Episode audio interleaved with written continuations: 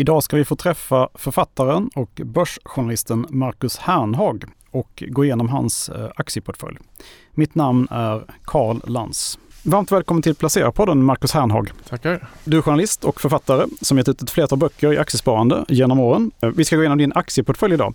Men först vill jag veta lite om din egen bakgrund. Um, jag kommer från uh, Falun. Så sökte jag till min stora överraskning fick jag jobb på privata affärer. I, först på distans och sen flyttade jag hit år 2000. Och jag har blivit kvar där. Men jag går min egen väg så att säga för att eh, ja, jag jobbar ju mest som eh, frilans. Numera har jag gett ut ja, totalt sju böcker och investerar så gott jag kan i aktier och lite olika produkter. Jag söker ju mer egna produkter än att bara så att säga skriva åt andra. När, när började du med aktier då? 98 började jag intressera mig. Började snacka aktier med pappa och liksom sådär. Och man, jag pluggade på högskola så att det var väl det var väl dags helt enkelt.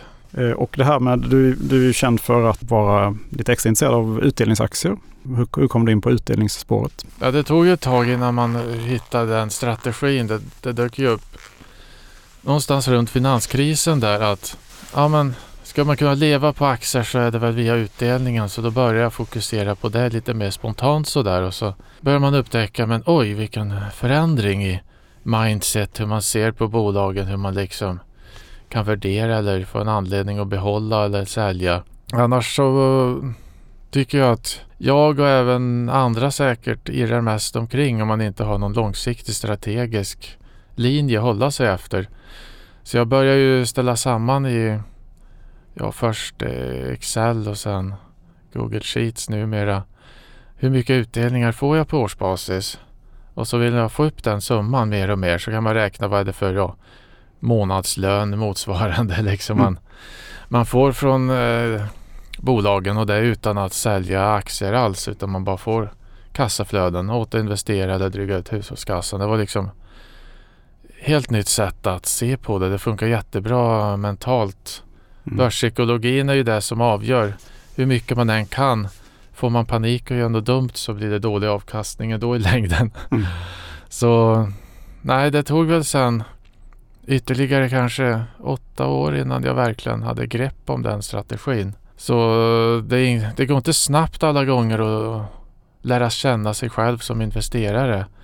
Men när man väl gör det och till slut, ja men då är det riktigt bra. Så att tittar man på min kapitalförsäkring där jag har mina utdelningsaktier så från, från att min eh, andra bok, den om utdelningsaktier kom ut 2016 så jo men jag har slagit Stockholmsbörsens index lite grann sedan dess. Men eh, det är ju ett ganska irrelevant index när jag placerar i Nordamerika också. Verkligen. Och jag mm. håller lite lägre risk också tycker jag med en del eh, lågriskaktier eller eh, lite säkrare motsvarande. Mm. Så att det är, det är svårt att jämföra. Ju mer man går sin egen väg desto mindre relevanta jämförelseindex finns det ju. Så antingen är man en indexfond eller så kan man inte jämföra sig med något egentligen. Nej. Om, om vi tittar på din, din utdelningsportfölj idag då. Hur ser eh, innehaven ut där? Ja, det är för många för att jag ska kunna dem utan till. Men jag, jag försöker få ner dem mot 30 men det, det var 37-38 som mest när man är på 33. Men lite överskådligt så har jag tre segment. Ja, egentligen fyra. I botten så har jag först aktier istället för räntesparande. Typ Tele2s B-aktie, lite sånt där. Över tid, ja, man förlorar nog lite mot börsindex i Tele2, framförallt i Telia. Så de undviker jag, men man får stabil utdelning och över tid ändå bättre än räntefonder. Så att det är ändå en, en stabil sån bas. Ovanpå det de vanliga utdelningsaktierna oftast ja, 2 6 procent i direktavkastning. Antingen höjer de utdelningen varje år eller så sänker de den väldigt sällan. Eh, sen har jag ett par, två, tre bolag i ett mer cykliskt segment. Ett par utländska gruvbolag och Alfa Laval. Det är ju aktier man ska sälja när de har gått upp länge och det står på topp någon lång cykel. Mm, liksom. Mm. Eh, så där är jag väl lite mer aktiv. Ovanpå det här lite tillväxtaktier kanske ja det är väl alltid under 10 procent men jag toppar ju med lite Hexagon och Evolution och Hexatronic och, och sånt där. Så att det är väl så jag byggt upp det nu och de här olika fyra delarna har ju kommit sista 5-10 åren att det är bättre att liksom öronmärka det. Antingen har du det i separat depå eller så har du som jag har i en kalkylblad för då kan man ha olika bakgrundsfärg beroende på vad det är för typ av utdelningsaktier så du ser lite andelar. Man kan skriva in det man vill och följer med trender och värderingar så att jag håller på ständigt bygger på lite när man får tid liksom. Mm, mm. Hur ofta gör du justeringar idag? I april nu så har jag sålt allt i Johnson Johnson men det är det enda jag gjort i april. I mars var det lite mer småaffärer. Så att det är väl inte ens varje vecka jag gör något. Förhoppningsvis så skulle jag ju aldrig behöva göra något. Det är väl egentligen målet. Det tuggar på som lite normalt hela tiden men mm. oftast brukar ju aktierna få ligga en 5-10 år men ibland mycket kortare, förhoppningsvis längre också i bra bolag. Vilket är ditt största innehav nu då idag? Um, ett av de största är nog Ja, det är faktiskt en uh, indexfond, exakt Norden högutdelare. Det är väl en, ja, man förlorar väl mot börsindex även där men det är ganska stora trygga bolag så att håller man lägre risk är det ju är det okej okay ändå att få stryka börsindex för det är ju riskjusterad avkastning som verkligen gäller. Men man får väl inte ha för mycket sega papper för då börjar man till slut bli stressad av en stor börsuppgång så man kommer in för sent och tar för höga risker för sent. Så att återigen lär känna dig själv mm. hur du reagerar i olika marknadslägen. Så att, men sen är det nog uh, Brokefield Renewable Corp på Kanadensiskt noterat va? Ja, precis. Mm. Ja, alltså grön energi höjer utdelningen varje år. Utdelningstillväxten ska stiga med 5 till 9 procent om året. Det har de klarat hittills och hygglig direktavkastning. Och, ja, fine. Det får, det får löpa på. Det gör inget att bra innehav blir tyngre och tyngre. Nästan alla innehav jag har är mellan 1 och 4 procent. Några uppåt 5 procent. Så om något innehav halveras i kurs är det ändå bara ett par procent på portföljen då. Så det är också sådär, riskspridning är bra på så vis men det är bara dåligt om du inte kan bolagen eller branscherna. Så att just nu funderar jag mycket på finansbranschen, vad man överhuvudtaget ska, ska ha där eller inte. Vad kan jag rekommendera andra att ha och inte? Det är, så, det är så komplext och då tänker jag främst på Intrum som Mm, saboterar min stackars eh, försvarslösa sparbox hos Aktieinvest. det är som 16 år utan sänkt utdelning och direktavkastning på 12 procent. Fyndläge. Vet inte. Aktien har ju gått väldigt dåligt. Ja, lång ja, tid. ja. det är så där. Kan man lita på utdelningstrenden eller inte?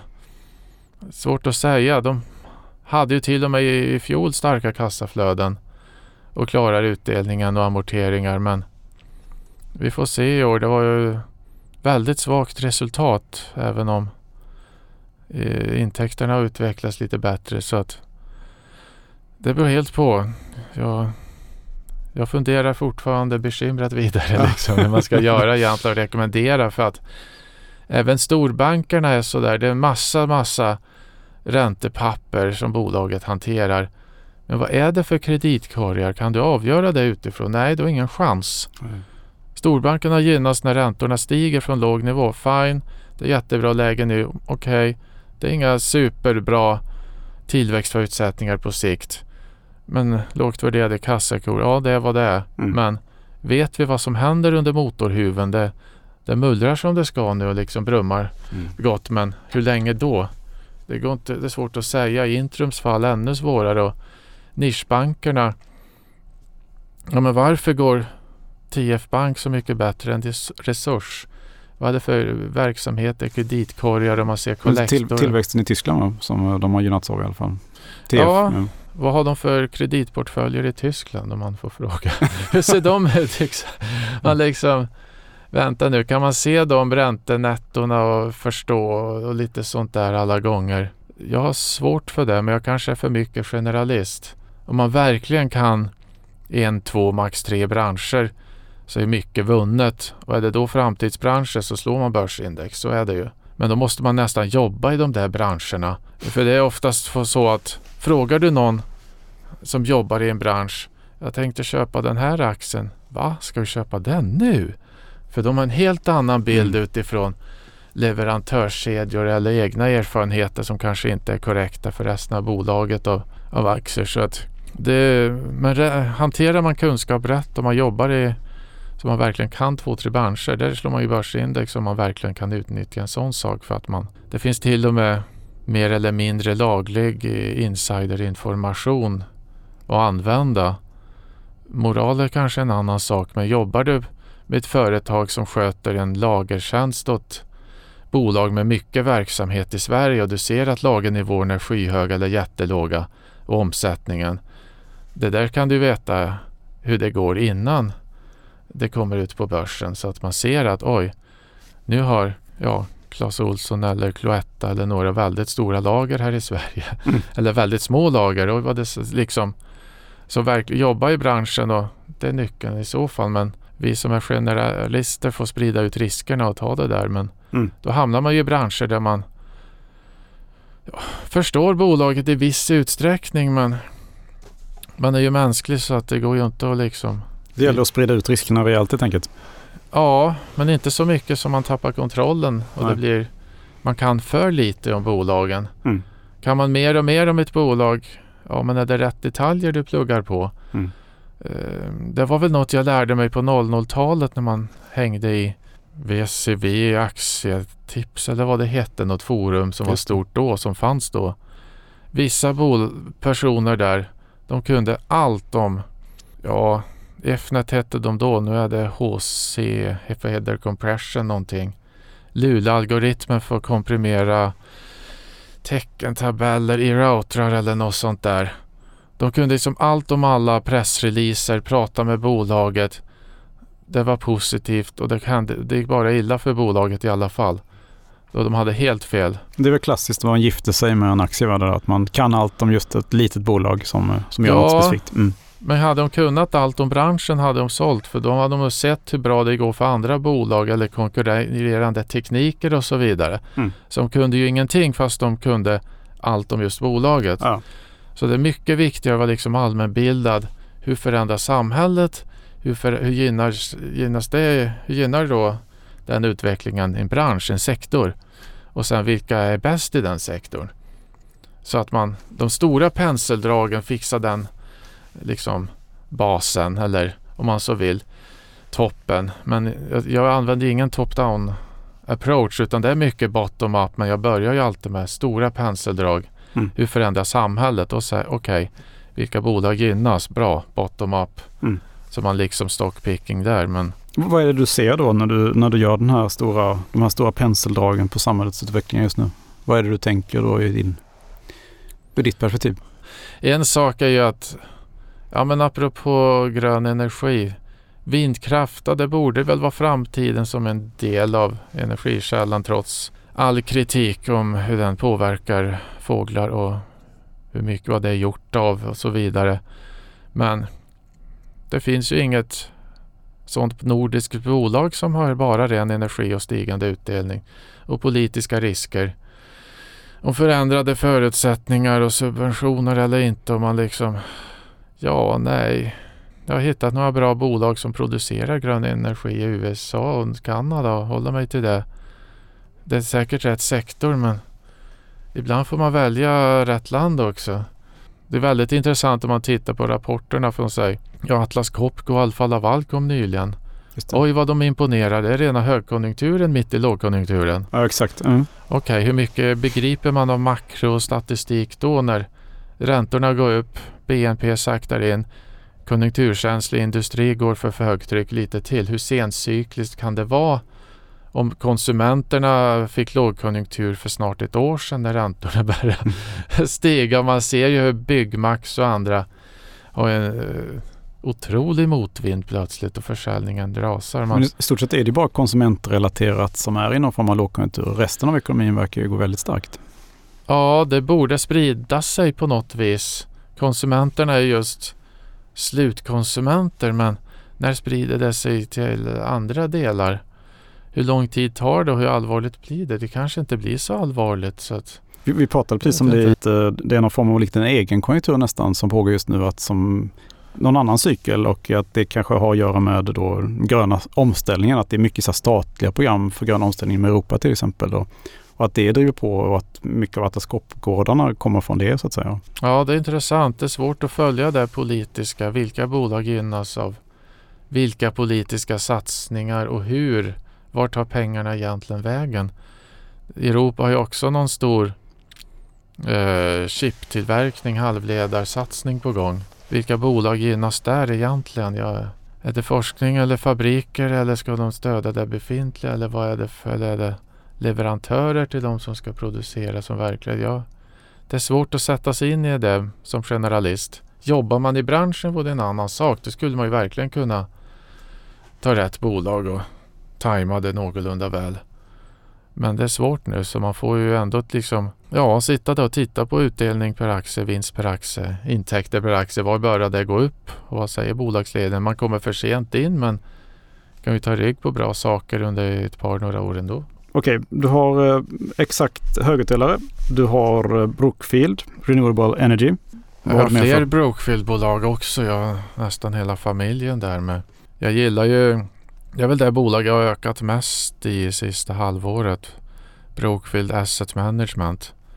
De förvaltar ju investeringarna åt Brookfield Corp som är lite mer som Investor då. Så Brookfield Asset Management lite mer som Equity. Och så äger de ett renodlat fondbolag också.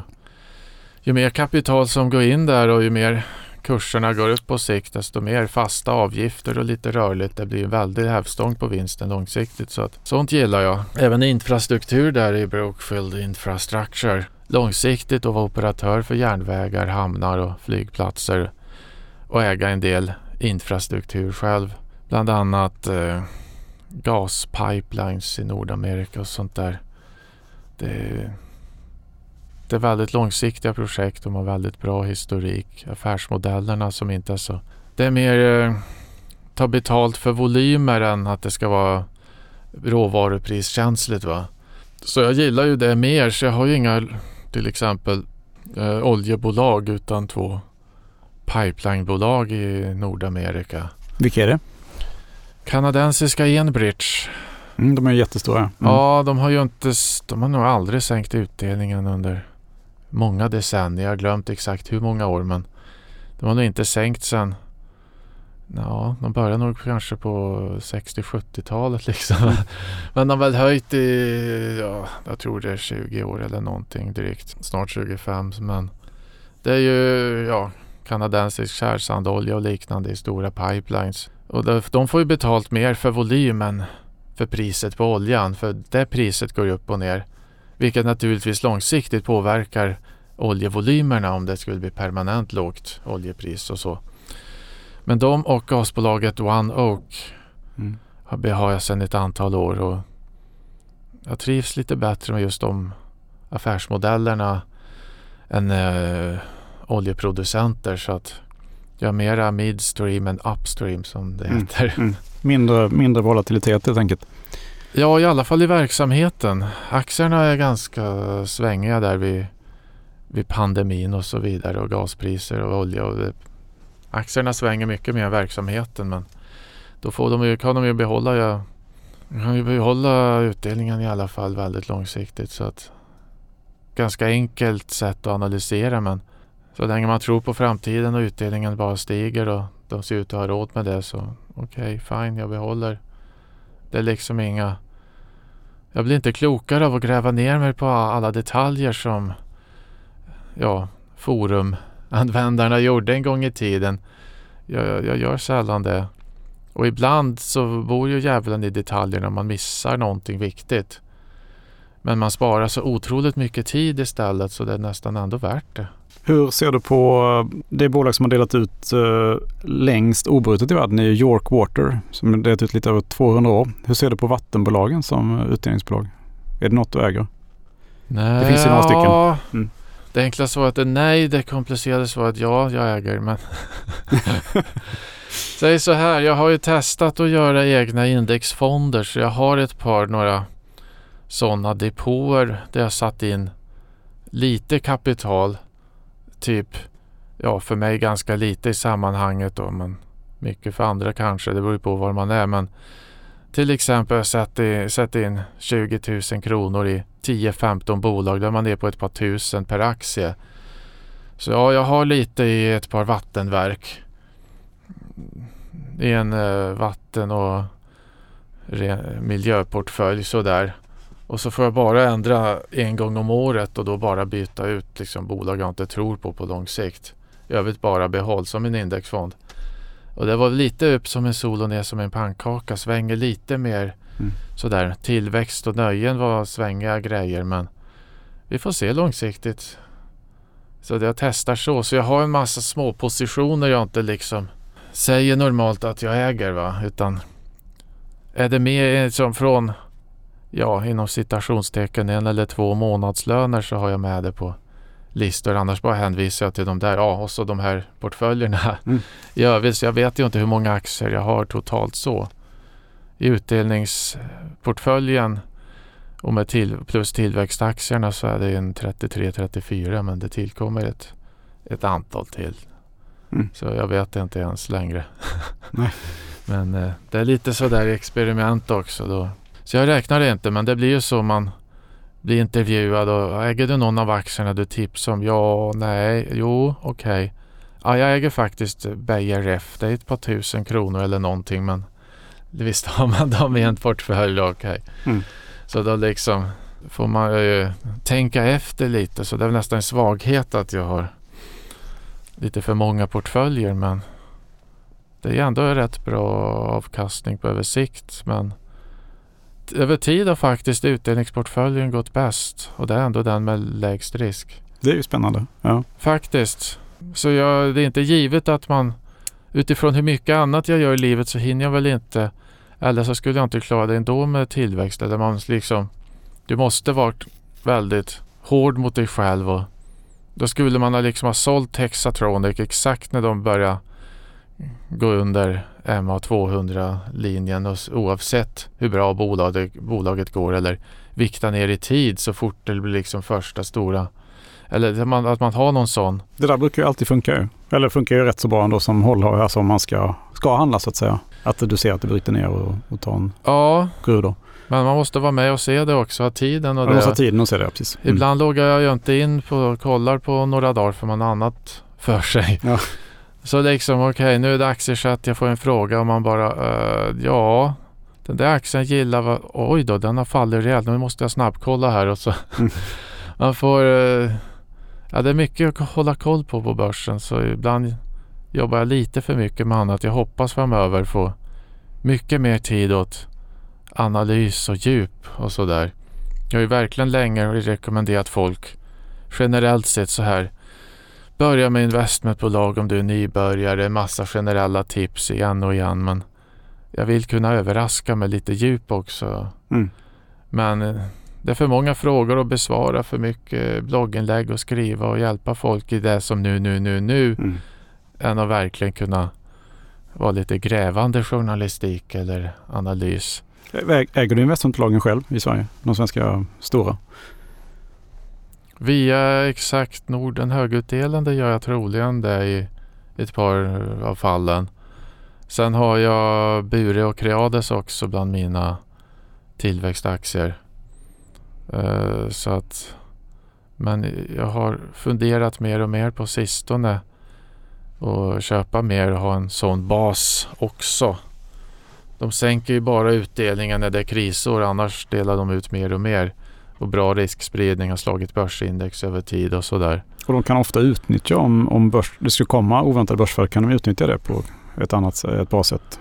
Till skillnad från uh, fonder. Till exempel ja. Som kanske få uttag och få sälja och sälja kan, kan investmentbolagen istället välja att använda kassa och belåning eller något och köpa lite så att det, det är faktiskt mycket bättre mm.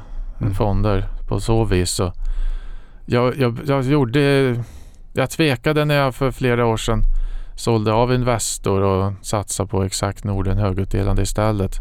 Det är högre direktavkastning. Men eh, totalavkastningen har hittills varit eh, lägre. Den faller mindre i kristider än Investoraktien helt klart. Så det är ju en sån där lite mer lågrisk. Men är det värt det? Att få lägre totalavkastning på sikt? Eh, det är inte givet. Man kan... Kanske skulle man vikta om eller ändra sig. Men ja. det är liksom ena och andra sidan fördel nackdel. Jag kan lite för mycket så man sitter och tvekar lite för det där. Mm, jag måste egentligen ta ett steg tillbaka så. Vad vill jag egentligen? Vad har jag det här för? Är det den där trygga basen istället för räntebärande? Ja, men behåll fonden då. Mm. Och sen köper jag mer Investor dessutom då. Det kanske är den allra smartaste biten som man har. Lågrisk är lågrisk, medelrisk är medelrisk. Tydligt öronmärkt, strukturerat, uppställt på något vis. Så det är väl så man ska arbeta. Mm. Svenska innehav då? Vad har du, vilka är de största där? Ja, till och med förra veckan var det nog E-work. Sen har ju de rekylerat ner nu i rapporten. Men de är nog ändå en av de större efter bra kursuppgång i fjol. Stora Enso var stora. Jag tror jag viktade ner lite och de har fallit en del. Ja, nej, det är nog de och en drös andra. Det är väldigt liten skillnad. De flesta ligger 2-3 procent så jag vet inte exakt vad som, vad som finns där i rangordning storleksmässigt. Jag har inte tid att memorera det utan till så att säga. Hur är det med Atlas Copco då? Det är ju det bolag som har eh, längsta obrutna utdelningen på Stockholmsbörsen sedan 1984. Eh, ja. Är det något du äger? Tyvärr inte. Jag har ju tidigare tyckt lite låg direktavkastning, lite för stora för att kunna växa och växa men det kanske inte spelar så stor roll så återigen en anledning att köpa Investor. Igen där än att jag har ju hittills haft Alfa Laval istället av A-bolagen så att säga.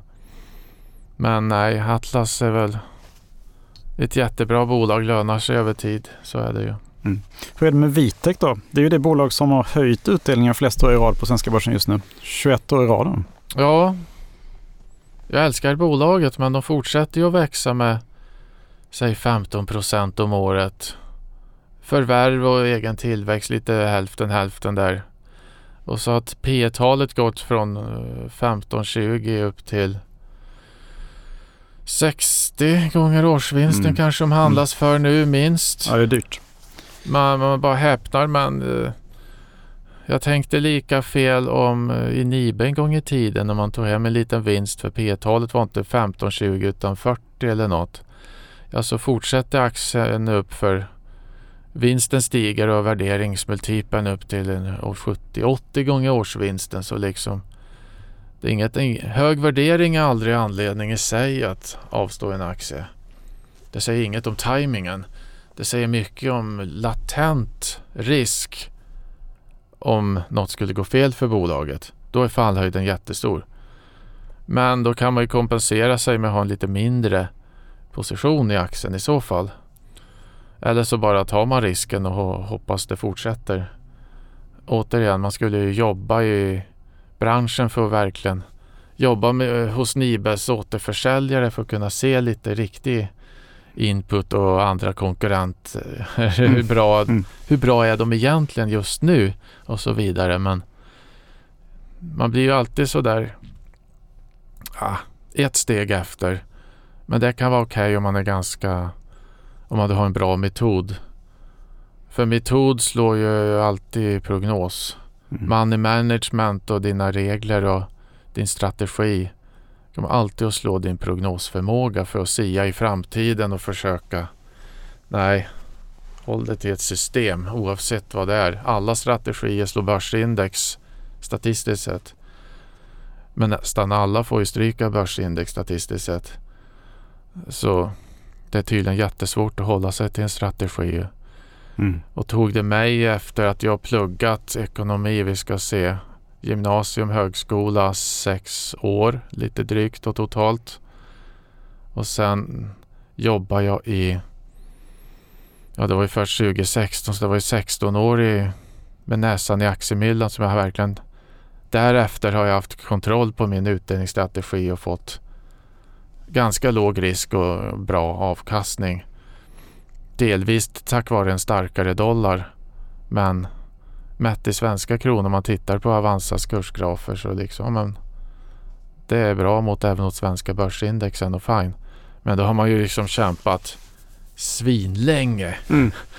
Så det är inte lätt att slå börsindex bara för man försöker följa en strategi. Men alla måste ju sträva dit så man har nått någon röd linje att gå efter. Det blir nog bara viktigare och viktigare ju mer nyhetsbrus det blir och snabbare och snabbare och liksom mer kort kortsiktigt braskande rubriker i mobilen hela tiden. Man måste ju ha, ja, zooma ut.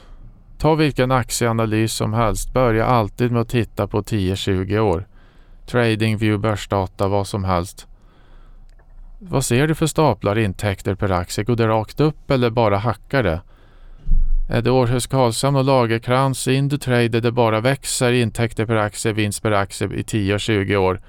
Eller har vi Electrolux som utdelningen har gått ner till noll, vinsten har sjunkit ordentligt. Okej, okay, intäkter per aktie har faktiskt stiger väl med BNP plus lite till kanske. Mm. Ja, alltid något så. Det är inget dåligt bolag som kommer att gå under men de har fått stryka börsindex på 3, 5 och 10 års sikt utklassa börsindex de ett eller två år när börsen verkligen vänder. Men sen är det ju skräp igen. Så jag menar historiken säger ibland jättemycket om framtiden. Det är få gånger som bolag får stryka börsindex rejält i tio år och sen bara händer en massa saker och allt blir så mycket bättre. Någonstans där så går väl ränderna inte riktigt ur. Utan eh, ja, allmänbildning för framtiden och lite statistik bakåt så vi får den blicken i alla fall och sen titta på kortare och kortare faktorer och bygg på analysen med alla möjliga saker du kan räkna på och ha nytta av. Jag tänker på det, det finns ju eh, 41 bolag på eh, de amerikanska börserna som har höjt utdelningen varje år i minst 50 år. Mm. Eh, och det som har höjt det allra mest, och det är faktiskt ett vattenbolag, det har höjt i 68 år i rad, American States Water. Är det någonting du kollar på eh, som du tycker är viktigt? Procter Gamble är väldigt högt exempel, 66 år i rad. Alltså jag gillar ju det att de alltid höjer. För då har de klarat av att höja genom alla kriser. Det säger ju någonting om bolaget. Hur, hur, ja, det är produkter och ledning och sektorn de är verksamma i. Så jag gillar att ha det som en väldigt grundläggande faktor. Vad är det för långsiktig utdelningstrend? Sen är väl inte ristat i sten att längsta utdelningstrenden är bästa bolaget. Det är också väldigt viktigt att fråga sig för vem är det här en bra aktie? Behöver du ytterligare en, ja, ett, ytterligare ett bolag med konsumentprodukter i din portfölj? Det kan vara ett jättebra bolag men har du redan två, tre kanske du inte behöver det ändå. Så det inte är bra på det viset. Um, så att visst, jag tittar på det. Det är intressant men det är inte allt. Nej. Men du har ganska stor vikt mot Nordamerika då, din portfölj om jag förstår det rätt? Ja, jag har ju mer i Sverige men den har väl ändå varit eh, 30-40 procent i Nordamerika sådär. Så att eh, det är ju lite valutakänsligt och jag ökar ju när kronan är lite starkare och dollarn lite svagare och tvärtom. Det känns inte som det är så ofta längre. Nej, vi hade en period för, för ett par år sedan där när kronan var i alla fall 8 kronor för en dollar. Nu är det väl lite mer okej, okay, det viktigaste är att köpa de bolagen som man tror mest på är bäst. Då kan man köpa ändå även om kronan är svag en... Eh, det, skulle dollarn börja försvagas så skulle det ju ändå gynna en del amerikanska exportbolag så vilket skulle gynna kurserna. Så då blir det ju, ja det ena tar ut det andra så att säga. Så ta bästa bolagen men och just nu var det lite försiktig med köp i Nordamerika. Kanske var lite underviktad eller ta hem vinster lite mer.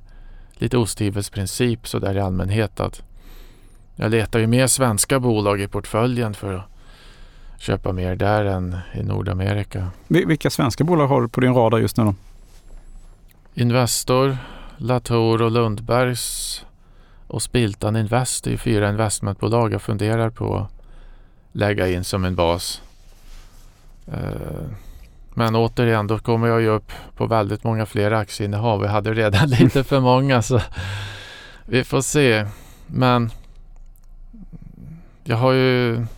Kan man sälja något som Johnson Johnson som ändå har höjt utdelningen 50 år i följd och verkar bara höja vidare. Men till slut i just det fallet med asbesträttegångar och man vet inte hur det slutar och kursen går trögt och man...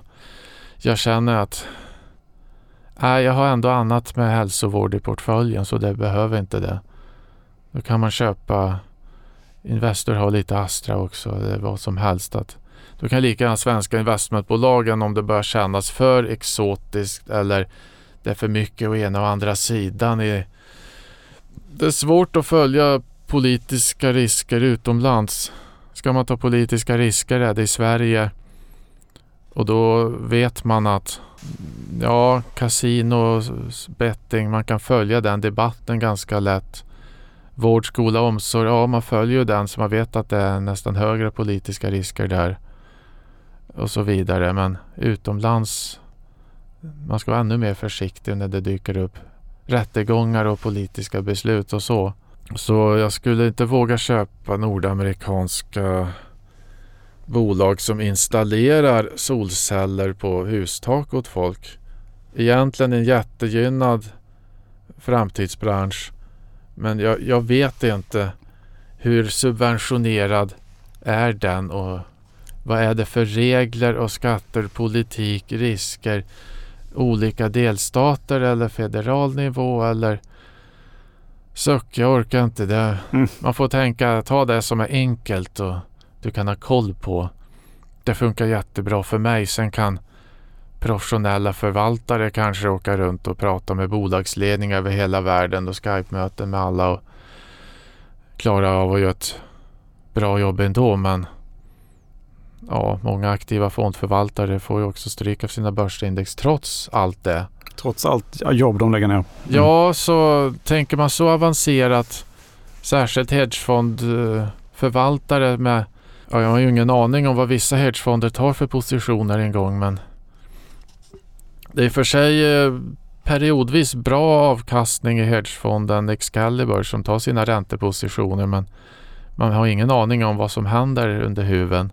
Just de gör ett bra jobb men många andra får ju långsiktigt i ganska mager avkastning också. Mm. Så om man gör massa tid, massa analys och det långsiktigt inte lönar sig ändå. Men då kan man ju lika gärna tänka enkelt. Så det är ju det jag rekommenderar folk. Börja där, gör det själv. Ha några investmentbolag, tänk enkelt. Utgå från vad du kan och tror på förändras i samhället. Mm. Leta bra bolag där. Det, och så, det viktiga är överhuvudtaget ha lönsamma bolag riktigt länge. Så får man ju mer eller mindre bra avkastning. Om du placeras som index eller ej, ja, har du ett bra index att jämföra dig med, gör det. Annars inte. Jag tycker inte man ska titta för mycket på index utan ha en portfölj som passar dig själv så du överhuvudtaget vågar ligga kvar i aktier när det blir stora nedgångar. Det är mycket viktigare det, så annars blir det ju ännu sämre än index. Bara för att man jagar index på ett sätt man inte klarar av. Mm. Mm. Hur eh, ser du på ehm, rest, eh, bolag utanför eh, Sverige då? Europeiska bolag? äger du något, något europeiskt utdelningsbolag? Nej, jag tittar bara på Norden och Nordamerika. Sen får man komplettera med vissa saker som kanske placerar internationellt utöver det. Men då gör jag det via små fondinnehav i så fall. Eh, till och från har jag haft en Indienfond. Det är väldigt intressant så stor befolkningsmängd, demokratiskt.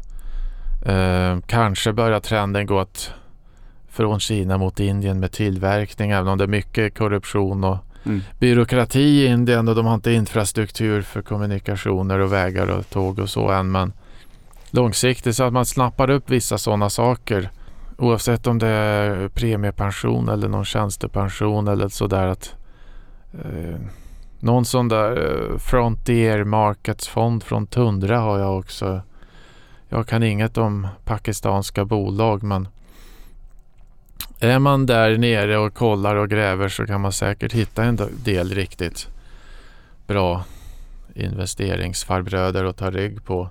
Det växer ju ändå rätt bra där nere så att men över tid om man tittar på en massa börsindex över hela världen, Sverige och USAs börsindex ligger ju väldigt högt.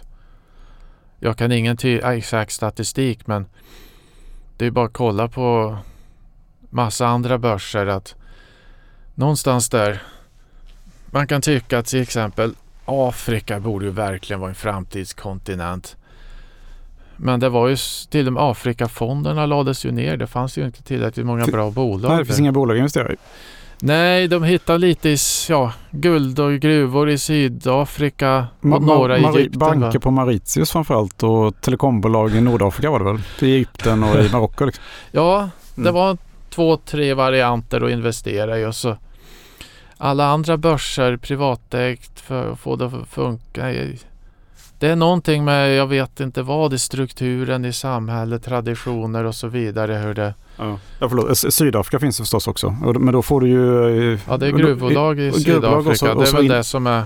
Och så indirekt ägande i Tencent då via uh, Naspers då.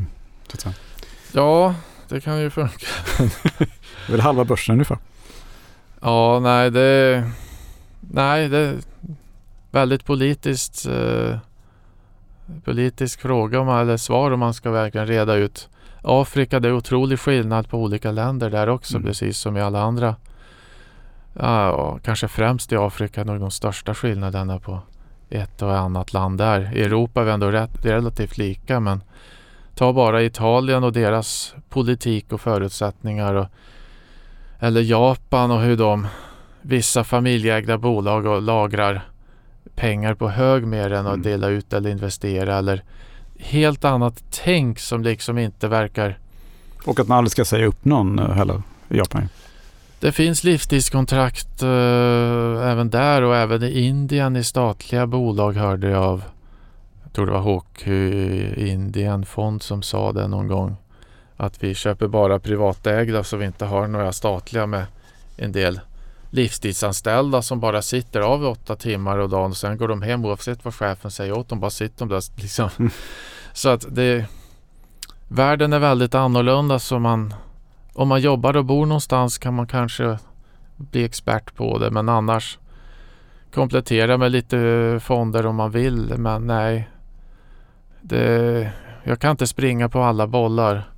Det kan nog ingen så att Lär dig någonting och bli bra på det och börja där och sen bredda. Jag har själv jagat och varit för bred sådär. Jag har testat saker för att kunna skriva om det. Så, men, så jag har ju liksom testat allt från teakplantager och fastigheter i Panama till jag ägde lite i ryska fastighetsfonden innan 2014. Host, host. Det var inget bra. Man testar Nej. lite här och där. Och där. Vilket är din, din sämsta investering då? Är det ryska fastigheter? Ja, ryska fastighetsfonden i procent kanske eller eh, jag förlorade mycket i procent på småinnehav i, när IT-bolagen kraschade också. Men jag sålde ju M2S innan konkursen. Jag sålde Audio-Dev innan konkursen. Eh, jag klarade mig ändå rätt bra i Fred Olsen Energy innan konkursen. Jättehög direktavkastning som man liksom förlorar 25-30 procent istället för 50 procent. Och då är det ändå inte fullt så smärtsamt. Och då är det mycket vunnet och då satte jag en klassisk stopploss. Att jag, jag, jag fattar inte det här. Det är ett P-tal på 3, 4, 5 enligt Factset. Men de uppdaterar ingenting hur dåligt det än går för bolagen och får lägga ner rigg på rigg. Kursen var 100 norska kronor och satte en stopploss på 99. Mm. Att nu får det vända annars så får det sälja och då gick ordern igenom direkt när jag låg och sov någon måndag morgon. Och ja, det blev väl konkurs sen liksom så att. Vilket av dina innehav tror du mest på då? Svårt att ranka. Eh, säg så här. Så länge Evolution växer med 30 procent om året och, de, och P talet Eh, under 30. Normalt så värderar man ju sådana innehav, säg ja, PEG-tal, alltså tillväxttakten och P-talet jämförs.